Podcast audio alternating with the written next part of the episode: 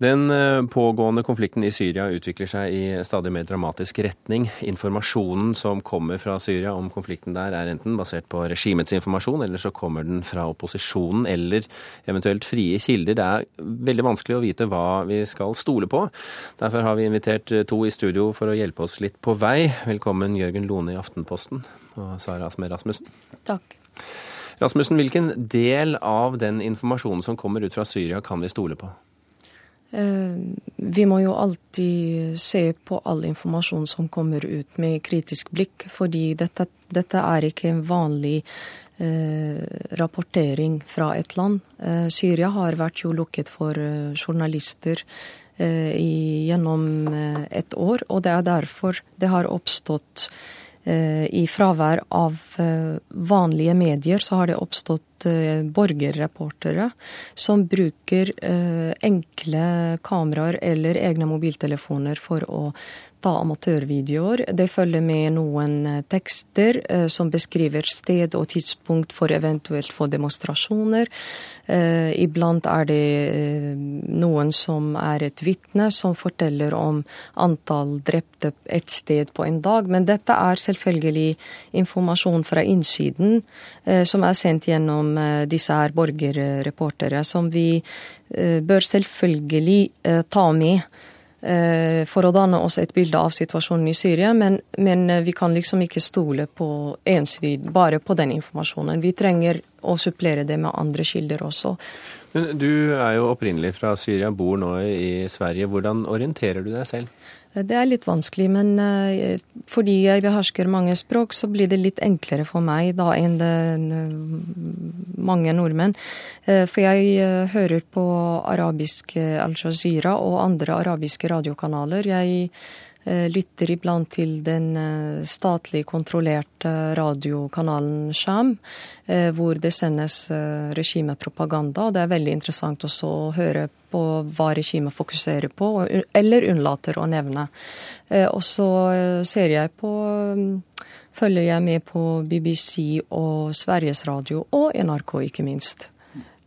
Jørgen Lone, journalist i Midtøsten for Aftenposten. Er det mulig for journalister å komme seg inn i Syria nå? Det er svært vanskelig. Eh, jeg var i Syria i januar på et pressevisum. Det er det veldig vanskelig å oppnå nå for tiden, men jeg, jeg fikk det da. Og vi håper på at flere skal få det nå i forbindelse med at nye observatører skal utplasseres. Men Betyr ikke det også at du er eh, prisgitt regimet i Syria? Det er veldig farlig situasjon å være i, og man kan fort bli det. Så man må forsøke å balansere den informasjonen du får tilgang til, med andre kilder enn det som regimets eh, representanter ønsker at du skal få tilgang til. Hva fikk du se da du var der i januar? Eh, jeg fikk se det, først og fremst det som regimet ville jeg skulle se. Og så fikk jeg også en del andre kilder. Jeg var heldig nok til å oppleve at uh, spesielt en ung gutt som jeg møtte på et sykehus i Dera, var villig til å ta en to, stor risiko for å avsløre regimets løgn. Ja, hvordan var den historien? Jeg var ved hans sykeseng sammen med en representant fra Informasjonsdepartementet, tre sivile politifolk og en representant også fra guvernørens kontor i Dera. Og vi var der fordi at han etter deres plan skulle eh, bekrefte den løgnen at eh, alle sivile som blir skutt i eh, Dera eller andre steder i Syria nå, er så uheldige å komme i kryssilden mellom det som kalles terroristene, altså væpnede opprørere, og sikkerhetsstyrkene. Så da vi spurte han om dette, om dette stemte, så sier han la, nei, det stemmer ikke. Jeg demonstrerte, som vi gjør nesten hver dag, fredelig sammen med mine venner. Vi gikk 50 stykker ned, det var en gate. Vi kommer til en kontrollpost. Da tar en soldat opp sin automatrifle og skyter meg i magen. Det er det som skjedde, og eh, det vil jeg gjerne ha rapportert. Rasmussen, er dette, du sitter og nikker litt her nå. Er dette en vanlig historie, tror du?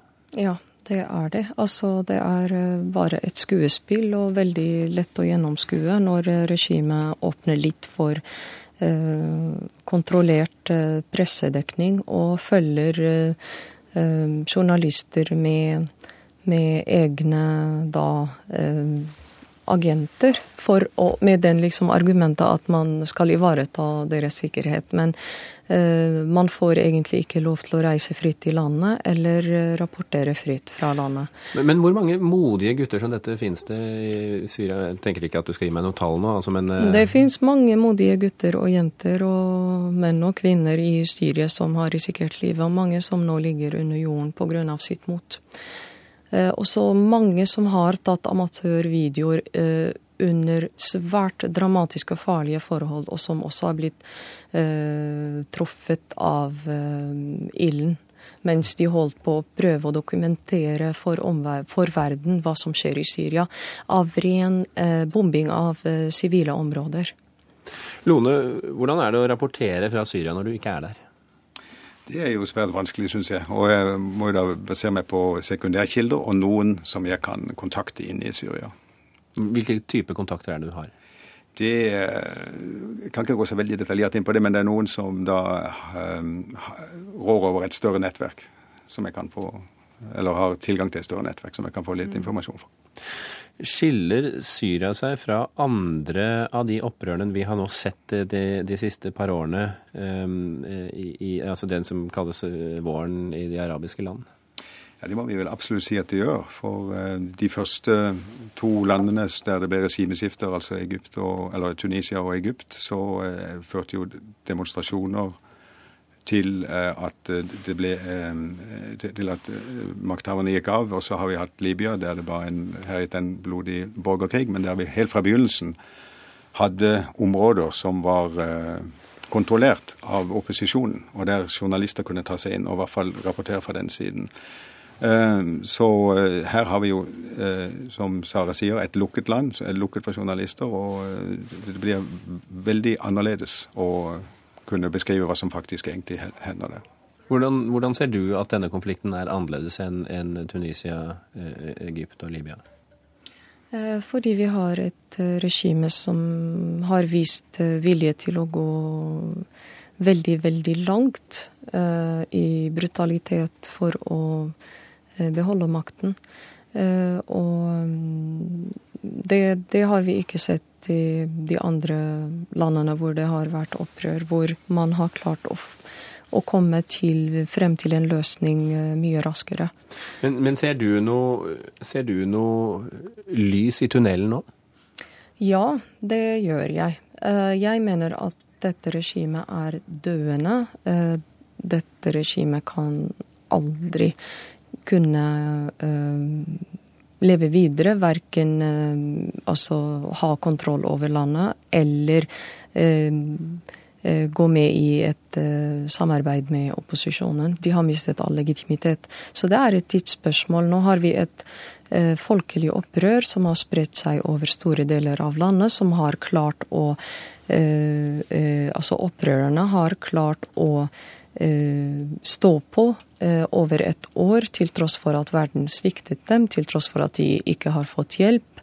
Eh, dette er Det fins sterk folkelig vilje til, til å bli frigjort fra en diktator, og jeg tror at de kommer til å vinne. Det vil ta litt tid, men vi vil se at regimet vil falle i nær fremtid eller fjern fremtid.